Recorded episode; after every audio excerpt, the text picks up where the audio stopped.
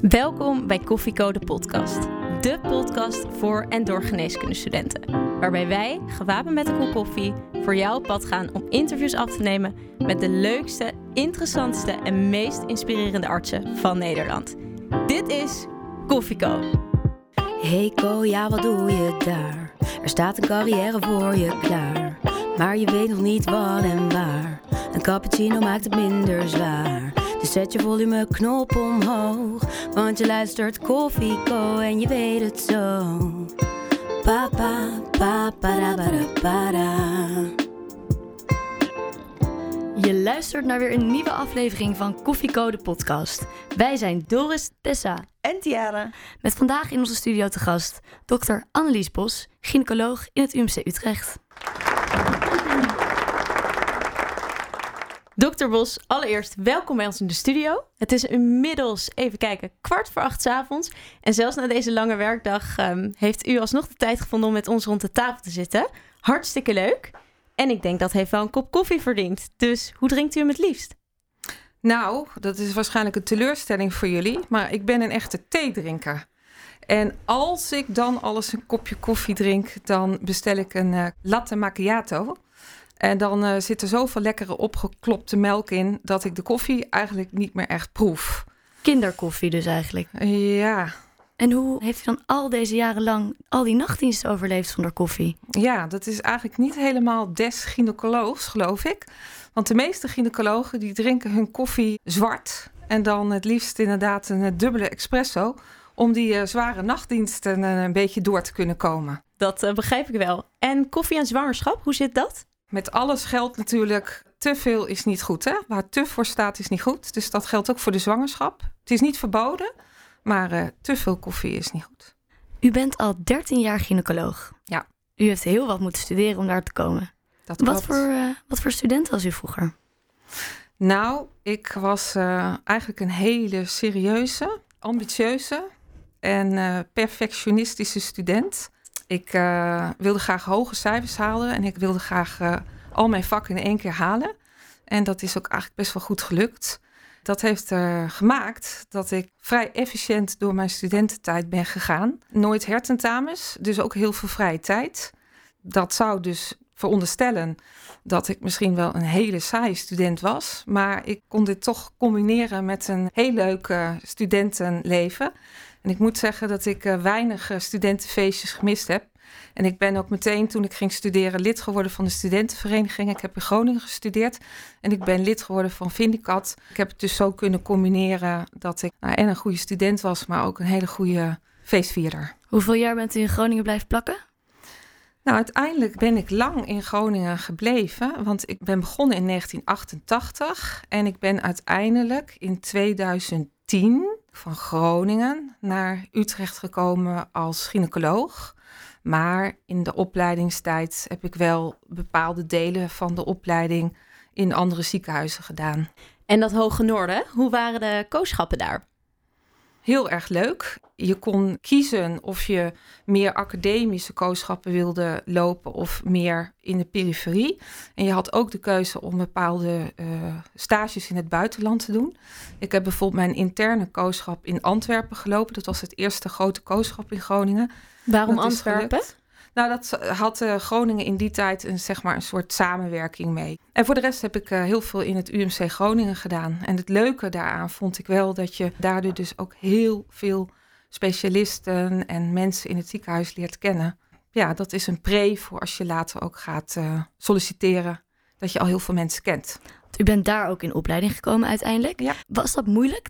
Ja, dat was heel moeilijk. Eh, nu is het nog steeds heel erg moeilijk om in opleiding te komen voor gynaecologie. In die tijd was het ook heel erg moeilijk. En Maar wel goede cijfers. Ja, en desalniettemin wilde men toch heel graag dat je ook eh, ja, meer doet dan alleen een standaardstudie of een standaard. In die tijd heette dat dan nog agnio, maar nu is dat aniosbaan. Dat is eigenlijk best wel bijzonder gelopen. Ik had meegesolliciteerd in een ronde voor gynaecologie in Groningen. En toen eh, was ik het niet geworden, omdat ze vonden dat ik nog wel wat meer extra ervaring op andere gebieden kon opdoen. Toen had ik net dat sollicitatiegesprek gehad en was natuurlijk best wel teleurgesteld. En dacht ik, nou, hè, waarom kan het nou niet gewoon even via de korte binnenbocht? Maar dat kon niet. Toen kwam ik een oud studiegenootje van mij tegen in de studentenbibliotheek. En die uh, vertelde ik dat ik ja, net eigenlijk een afwijzing had gehad. En die zei, nou, dan heb ik een baan voor jou. Want uh, ik doe een hele goede promotiebaan bij de medische oncologie. Als je nu even solliciteert, ze zoeken nu iemand als opvolger voor mij... dan uh, heb je grote kans dat je het wordt. Toen had ik een dag later een andere baan. En dat was dus het begin van een promotietraject. En ik denk achteraf dat dat wel heel cruciaal is geweest... dat je dan toch in een ander traject terechtkomt... en dat je, als je eenmaal gepromoveerd bent met die kennis en ervaring, dat je dan ook heel goed een mooie academische carrière kan gaan lopen. Vond u het leuk, promoveren? Ik vond dat een hele bijzondere fase.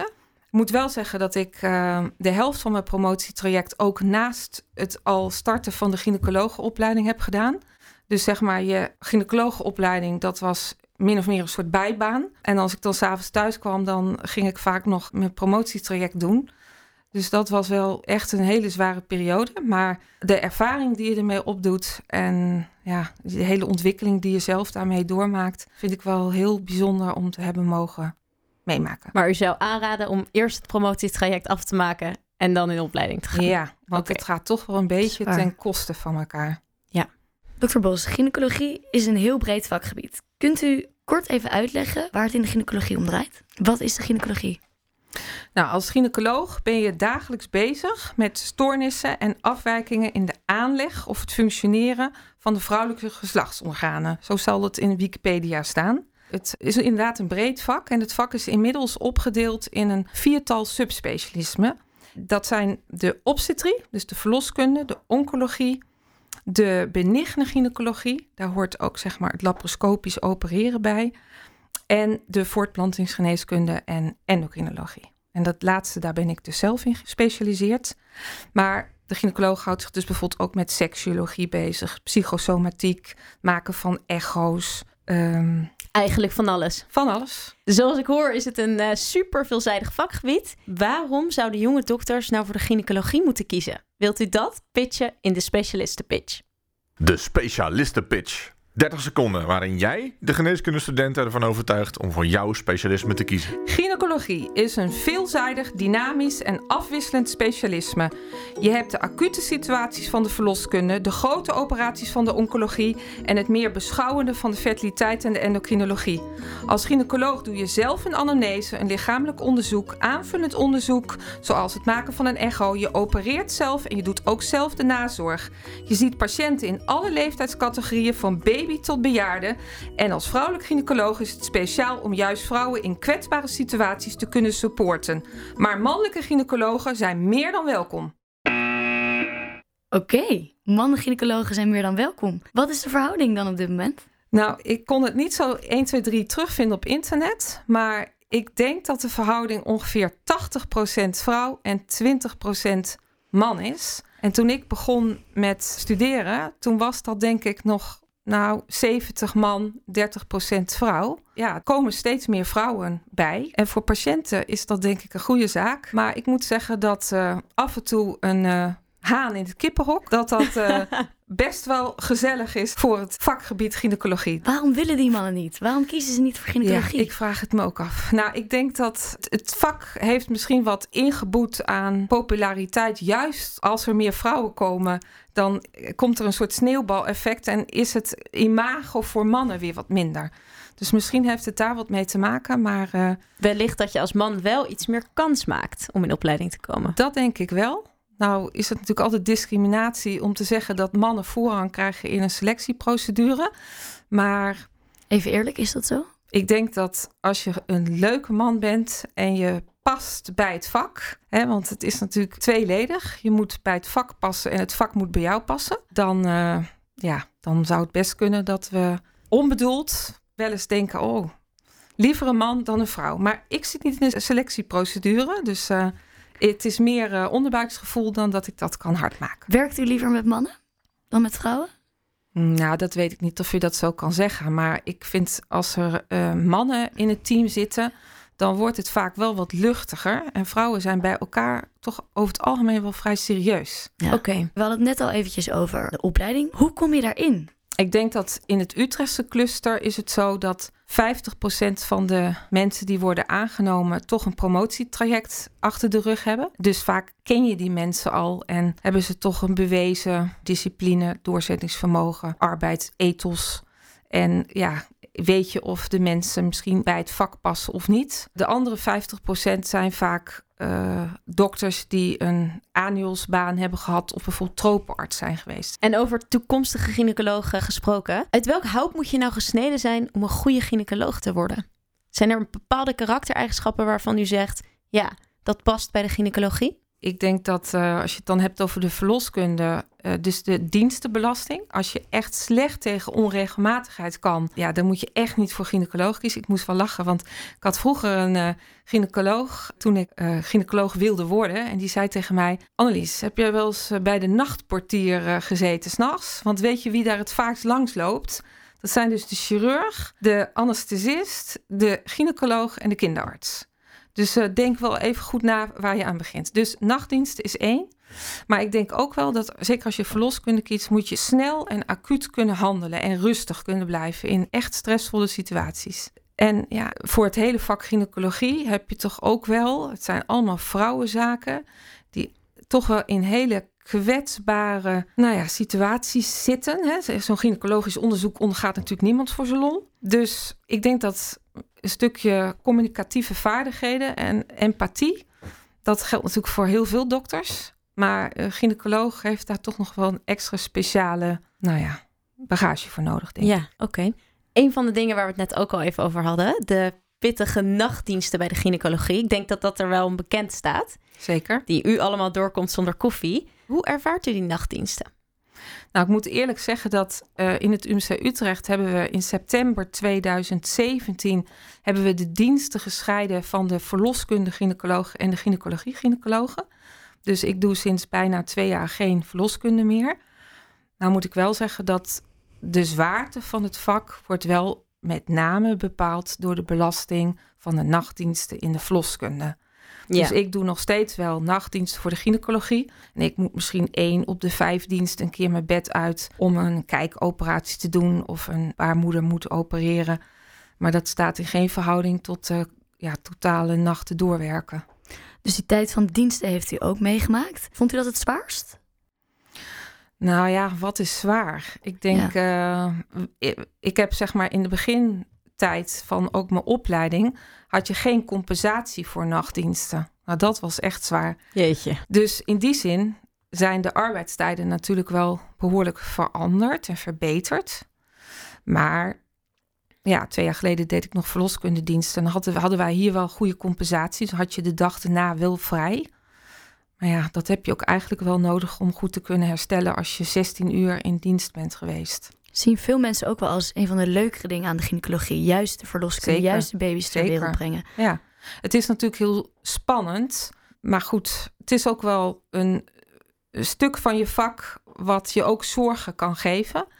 Want bevallingen kunnen natuurlijk heel normaal verlopen. En in een fractie van een seconde heb je een hele gevaarlijke situatie met hele vervelende afloop.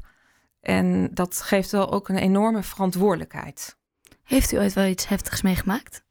Ja, zeker. Ja, genoeg zou ik zeggen. In de verloskunde heb je wel vaak dat je achteraf denkt van... Oeh, dat is gelukkig weer goed afgelopen. Of jeetje, nou, door het oog van de naald.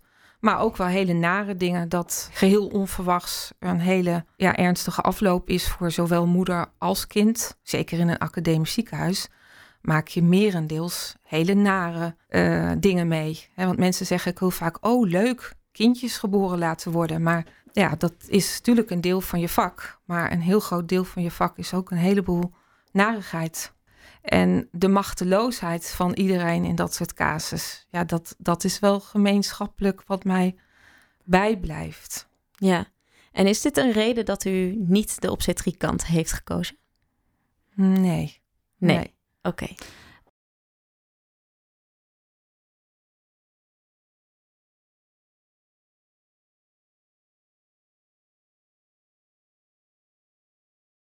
En als het dan fout gaat, hoe gaat u daar dan mee om? Neemt u dat dan mee naar huis ook?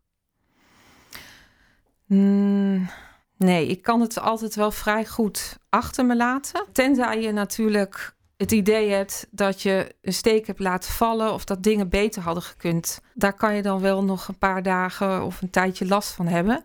Maar gelukkig, dan moet ik afkloppen, heb ik niet echt dingen waar ik. Hey, je handelt altijd naar eer en geweten. En dat is ook wel een beetje je bescherming van jezelf. Je zegt, ja, ik heb naar eer en geweten gehandeld. En niet alles heb ik in de hand. En gelukkig ja, heb ik daar ook altijd wel mee kunnen doen, zeg maar, emotioneel gezien. U vertelde net al heel eventjes dat u de eerste keer dus niet binnenkwam bij de gynaecologie. Had u eigenlijk een plan B? Ik had wel een plan B. Dat was als ik geen gynaecoloog was geworden, dan was ik misschien medisch oncoloog geworden. Dus dat is meer vallend onder de interne.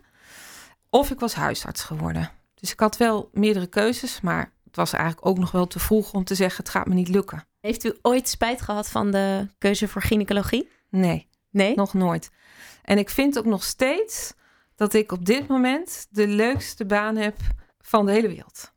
Dat vind ik wel een mooi bruggetje naar wat u nu doet. Kunt u dat kort vertellen? Ja, ik ehm, ben dus gynaecoloog, gespecialiseerd in de voortplantingsgeneeskunde en de endocrinologie.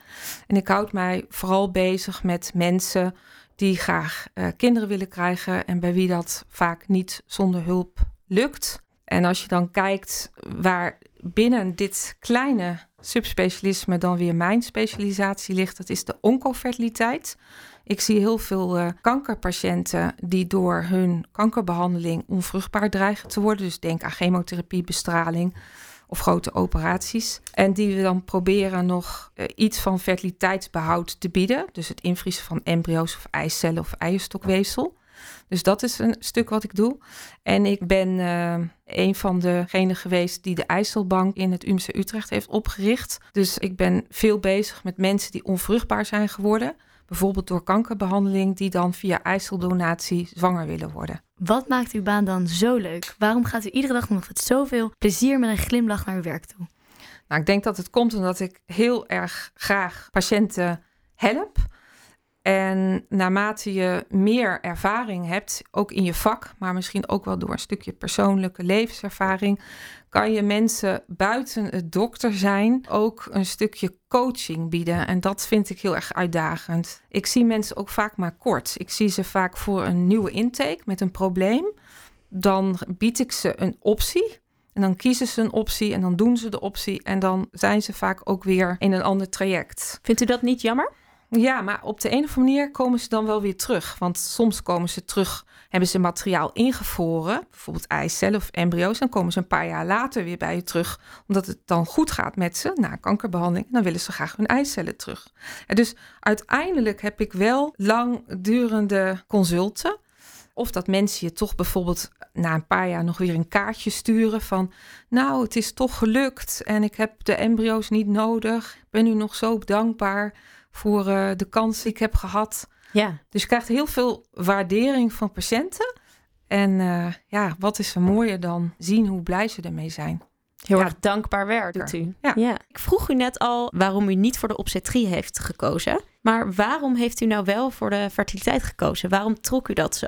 Is er een bepaald moment geweest? Nou, dat is best wel bijzonder inderdaad. Want ik ben uiteindelijk gepromoveerd bij de medische oncologie en de gynaecologische oncologie. Zeg maar nieuwe methode van chemotherapie bij eierstokkanker, even kort gezegd. En het lag best wel in de lijn der verwachting dat ik dan misschien de oncologie in was gegaan. Ja. Maar ik heb toch altijd wel heel erg naar mijn eigen kwaliteiten gekeken. En toen dacht ik, ja, waar ben ik nou echt goed in? En ik kan prima opereren, maar als je gynaecologische oncoloog bent, dan moet je daar ook echt een expert in zijn. Want dan moeten je chirurgische vaardigheden moeten eigenlijk je expertise zijn, vind ik. Ja. En als ik heel eerlijk ben, dan ben ik gewoon in dat opzicht meer beschouwend dan chirurgisch.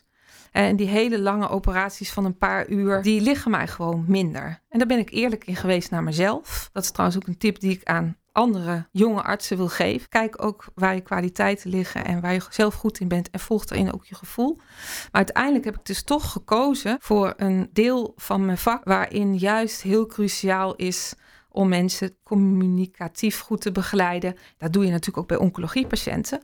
Maar de, de core business is op de OK staan. En de core business van mij is polyklinisch werk. Hoe kijkt u aan tegen de ethische dilemma's rondom de fertiliteit? Want die zijn er genoeg. Ja, ik denk dat uh, de voortplantingsgeneeskunde bij uitstek heel veel ethische dilemma's kiest. Die vind ik dus ook heel interessant. Ik ben zelf uh, ook uh, voorzitter van de ethische beraadsgroep van onze afdeling, zeg maar een ethische commissie. Wij behandelen daar ook allerhande ethische ja, issues bij onze patiëntengroepen. En ja, ik vind dat heel uitdagend om daar ja, met een team van andere specialisten een, uh, een weg in te vinden om zo goed mogelijk uh, onze patiënten te behandelen. Kunt u een voorbeeld geven van een ethisch dilemma? Die zou ik eigenlijk genoeg moeten kunnen geven. Uh, een lesbisch stel die de eicel van de ene willen oogsten en dan te bevruchten met zaad van een donor of van een partner. En die dan als embryo terug te plaatsen in de andere vrouw. Doen we dat nou wel of doen we dat nou niet? En dat is wel een ethisch dilemma, want je maakt de behandeling heel veel meer medischer, met een heleboel meer risico's en complicaties. Terwijl het lesbische stel ook ja, eigenlijk zonder hulp van een dokter met zaaddonatie of met het insemineren van zaad zwanger kan worden. Ja, en dat zijn ethische dilemma's. En hoe keek u tegen deze casus aan? Nou, het is ook met name wat je als ziekenhuis bijvoorbeeld als standpunt inneemt en wat je landelijk als standpunt hebt. We hebben een paar jaar geleden, trouwens ook in die commissie gezeten, hebben we over allerlei van dit soort vruchtbaarheidsbehandelingen hebben we daar een standpunt in genomen. En in principe zeggen we in Nederland van dat we het kunnen aanbieden per kliniek die daar zelf achter wil staan. Het UMC Utrecht doet dit alleen op medische indicatie. Dus als er een reden is waarom een vrouw, een koppel zou je kunnen zeggen, ja. beter af is met de medische route dan met de niet-medische route. Ook lazen we recentelijk dat het voor lesbische stellen op dit moment niet vergoed wordt om, om de IVF-behandeling te doen. Klopt dat? Is dat nou, uh, een paar maanden geleden werd überhaupt geen enkele behandeling meer vergoed. Was het idee van de minister voor lesbische stellen en alleenstaande vrouwen die voor zaaddonatie in aanmerking wilden komen. Maar een paar dagen geleden is er bekend geworden dat het toch vergoed blijft. Kijk. Daar wordt even voor geklapt. er zijn ook mensen die in het kader van een bepaalde geloofsovertuiging uh, tegen fertiliteitsbehandelingen zijn. Heeft u daar wel eens mee te maken? Ja, geregeld. Ja, ik vind toch dat mensen hun grenzen mogen stellen. Een en ander gaat natuurlijk altijd in overleg. Het heet tegenwoordig zo mooi shared decision making. Maar als dat binnen de kaders kan, dan uh, vind ik dat de patiënten daarin zelf een hele grote vrije keuze hebben. Wordt de behandeling ook vaak weer wat ingewikkelder en langer. Maar goed, uh, ja. als mensen daar een goede reden voor hebben en een goede overtuiging in hebben, dan uh, sta ik daar ja. positief tegenover. En trekt u altijd alles uit de kast om mensen te helpen qua fertiliteit? Ja. Ja? Ja. Ja, ik heb één patiënt en dat vind ik wel heel bijzonder. Maar ik weet niet of dat nou een voorbeeld is van alles uit de kast. Maar het is ook wel een beetje zo gelopen. Maar toen ik in 2008 nog in Groningen werkte, heb ik een mevrouw op mijn poli gehad. En die was begin 30 vervroegd in de overgang. Die had heel graag nog kinderen gewild, maar dat kon dus niet meer. Behalve met eiceldonatie. Maar ja, dan moet je ook maar zelf een eiceldonor vinden, want in die tijd bestond er nog geen eicelbank. Nou, dus dat was natuurlijk allemaal heel treurig en verdrietig. Toen ben ik op een gegeven moment naar Utrecht gegaan en toen heb ik in 2012 natuurlijk met een heel team een eicelbank opgezet. En toen stond zij op de wachtlijst en toen kwam ze in 2014 bij mij op de poli als nieuwe patiënt voor eiceldonatie. Lang verhaal kort. Ze heeft inmiddels een kindje gekregen via eiceldonatie, via de eicelbank van het UMC Utrecht. Nou ja, dat zijn natuurlijk dan hele mooie verhalen dat je iemand eigenlijk al tien jaar kent en uiteindelijk lukt het dan. Geweldig. Oh ja, de co-telefoon. De co-telefoon. Dit is een, uh, een vraag ingestuurd van de luisteraars. Ja? En die luidt als volgt: Wat is de raarste babynaam van een kind die u ooit ter wereld heeft gebracht? Oh. Mag ik daar iets meer bedenktijd voor? Dat uh, mag. U mag er elk moment op terugkomen. Volgens mij hadden we nog een ingestuurde vraag. Uw patiënten zijn voornamelijk uh, vrouwen. Is dat niet te eenzijdig? Uh, in het deelspecialisme fertiliteit heb ik nog iedere dag heel veel mannen op mijn poli. Dat is zeker waar. Dus voor mij geldt dat niet. Nee. Ik wil nog wel doorgaan op de oncofertiliteit. Want u helpt dus ja. mensen die al ten eerste een hele erge ziekte hebben gekregen, die misschien heel jong zijn, die nog nooit aan kinderen hebben gedacht. Hoe introduceert u dat onderwerp? Willen kinderen ja of nee? Klopt. Nou, ze worden vaak verwezen door een oncoloog. En dan Ja. hebben ze vaak nog maar net, misschien maximaal één week, hun diagnose gehoord.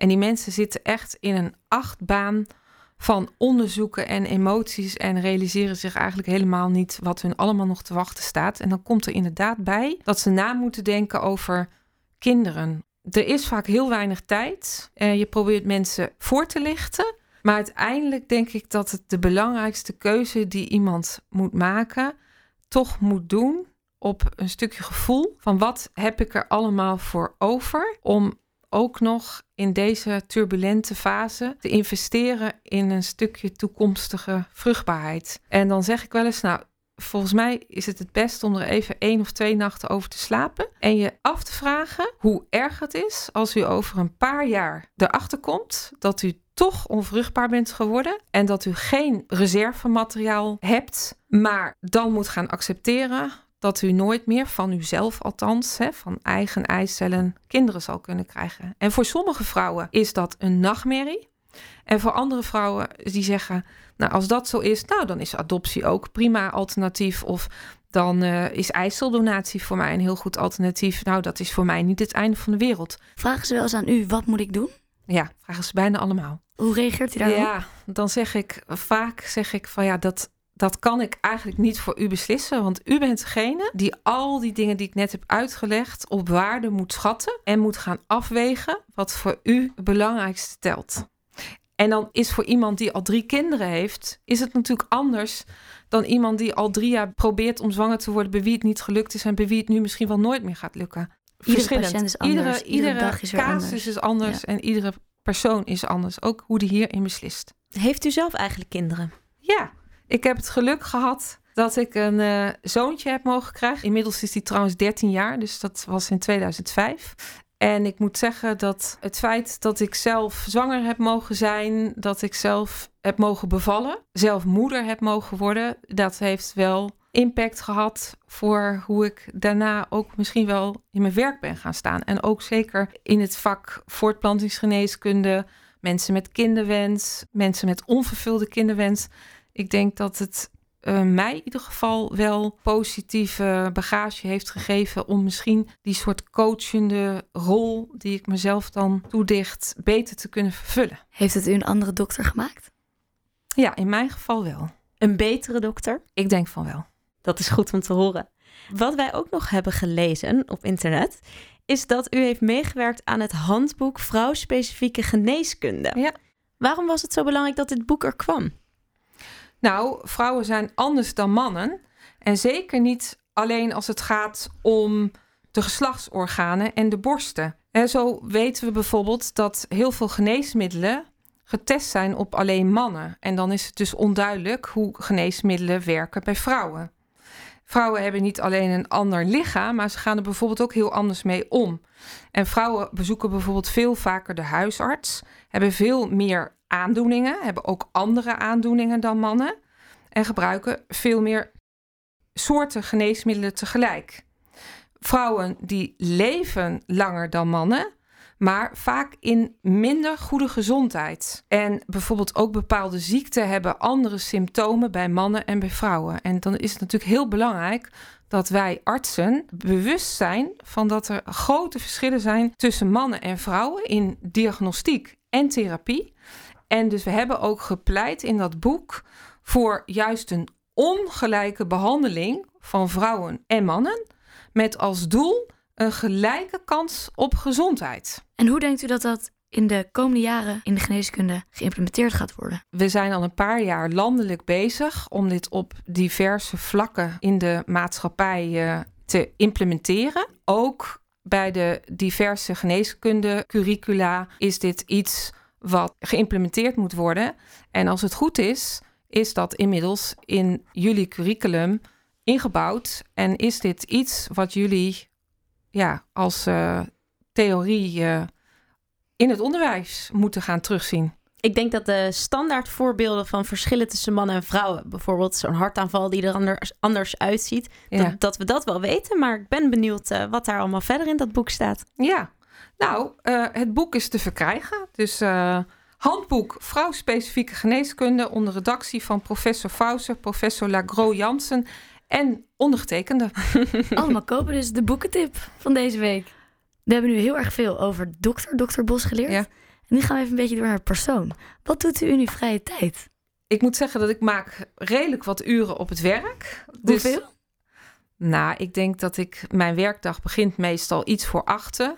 En meestal ga ik zo zes uur, half zeven naar huis. Ja, s'avonds bereid ik ook nog wel eens wat voor voor de volgende dag. Dat is niet de hele avond, maar het is misschien wel een uurtje of wat mails. Ik werk trouwens 90%, dus ik ben woensdagmiddags altijd vrij. Nou, dat is voor mij wel heilig, want dan wil ik ook leuke dingen doen met mijn zoontje. En uh, nou, de weekenden, uh, daarin uh, vind ik het vooral heel lekker om geen programma te hebben. Dus om het weekend ook een beetje te laten lopen zoals het loopt. Ik ga één keer in de week naar yoga. Dat is voor mij wel echt een uh, ontspanningsmomentje voor mezelf in de week. En dat is voor mij ook echt wel Wat een goede yoga? oplader. Hatha yoga. En dat is dus met name ook op ademhaling gericht. En ik uh, loop twee keer in de week hard, maar maar vijf kilometer. Maar dat doe ik al sinds mijn bevalling. Dus daar hou ik mijn conditie een beetje mee op peil. En ja, leuke sociale dingen. Ik hou van uh, lekker uit eten gaan en uh, met vriendinnen lekker lunchen of op een trasje thee drinken. Ziet u uw jaarclub uit Groningen nog wel eens? Ja, zeker. We gaan nog één keer per jaar op jaarclub weekend. En we gaan af en toe zelfs nog een paar dagen bijvoorbeeld skiën. Dus ik heb nog heel goed contact. Leuk. Ja. En hoe houdt u het balans werk en privé? Uh, nou, ik denk dat voor mij, dat was trouwens ook een stelling in mijn proefschrift. Uh, op vakantie gaan is investeren in je eigen gezondheid. En dat uh, deed ik al in mijn studententijd. En dat doe ik nog steeds. En ik denk dat je heel hard kan werken en vooral werk doen wat je leuk vindt. Maar voor mij zijn de vakanties ook echt een oplaadmoment. dan vind ik het ook heerlijk om boeken te lezen en om even niks te moeten. En voor de rest uh, hou ik het dan uh, heel goed vol. Heeft u een favoriet vakantieland? Nee, ik hou wel van een beetje afwisseling. Dus uh, probeer wel geregeld dus een nieuwe bestemming te kiezen. En nou, toen mijn zoontje nog wat jonger was, bleef ik vaker gewoon in de buurt of niet te ver vliegen in, in Europa. Maar nu die weer wat ouder wordt, biedt dat weer perspectief om misschien weer eens wat verdere bestemmingen te kiezen. Ik zag dat u ook veel op Twitter actief bent. Ja. Daar gaat dus ook nog wel wat tijd in. Ja, maar dat valt nog wel mee. Want ik probeer eigenlijk alleen de echte actuele highlights van dat moment uit mijn vak te delen. Nou, dat is ook natuurlijk een beetje bijhouden van vakkennis. Je vangt dingen op. Je, je hebt natuurlijk via je beroepsgroep berichten. En dan denk ik, oh, nou, de vergoeding voor lesbische paren en alleenstaanden. Nou, die twitteren dan even. En dan nou, heb ik het ook weer gedeeld. Dan zit hij is... nu uh, ruim op 2000 tweets. Is dat zo? Dat is oh, zo. Nou, dat valt nog wel mee. Maar ik probeer dus wel alleen werkgerelateerd. Ik ga niet uh, twitteren van... Uh, oh, wat is het mooi weer vandaag. Nee. Als laatste vraag over uw privéleven... voordat we doorgaan naar het doktersdilemma. Wij vragen ons af... heeft u een levensmotto? Behalve het vaak op vakantie gaan. Nou, ik zeg tegen mijn zoontje altijd... wie goed doet, goed ontmoet dat is wel iets wat bij me past. Hè? Ik bedoel, ik ben ook wel iemand die in, als hij in de lift staat, dat ik dan eens een keer een opmerking maak tegen iemand of iets positiefs. Of ja, ik heb wel het idee als je iemand goed benadert, dan krijg je ook altijd hele leuke reacties terug. Dus dat is wel iets wat bij me past. Doet uw zoontje dat ook al een beetje? Ja, dat kan heel goed. Ja. Complimenten vliegen u om de oren.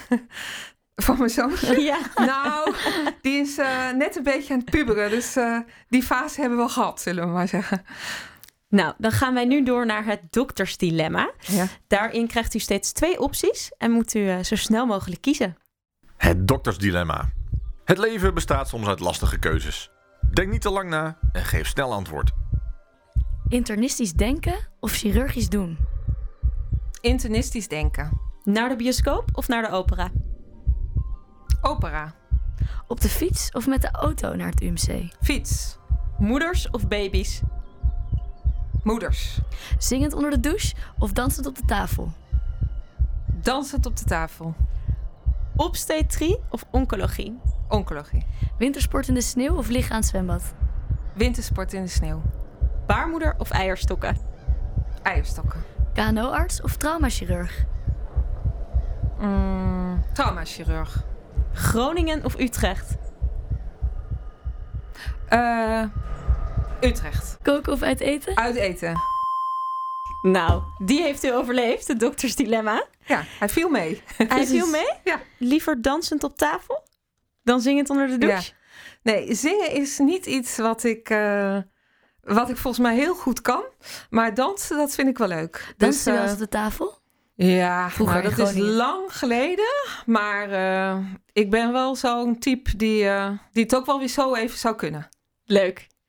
Ik vond traumachirurg wel gewaagd. Ja, KNO-arts. Ja, ik heb een jaarclubgenootje die KNO-arts is. Maar ik, nee, ik heb niet zoveel met dat uh, specialisme. Doe, de, doe me dan maar even weer die uh, lekkere spanning en sensatie van de traumachirurg. Ja, die heeft u wel nodig, hè? Ja, dat lijkt me wel leuk. En u uh, gaat liever naar de opera dan naar de bioscoop? Ja, doe ik beide te weinig. Nee, een opera vind ik dan vind ik dan net wat uh, bijzonder. Dokter Bos, we eindigen eigenlijk altijd met de laatste tip voor de co-assistent. Wat zou u nou nog willen meegeven aan de co-assistent van nu?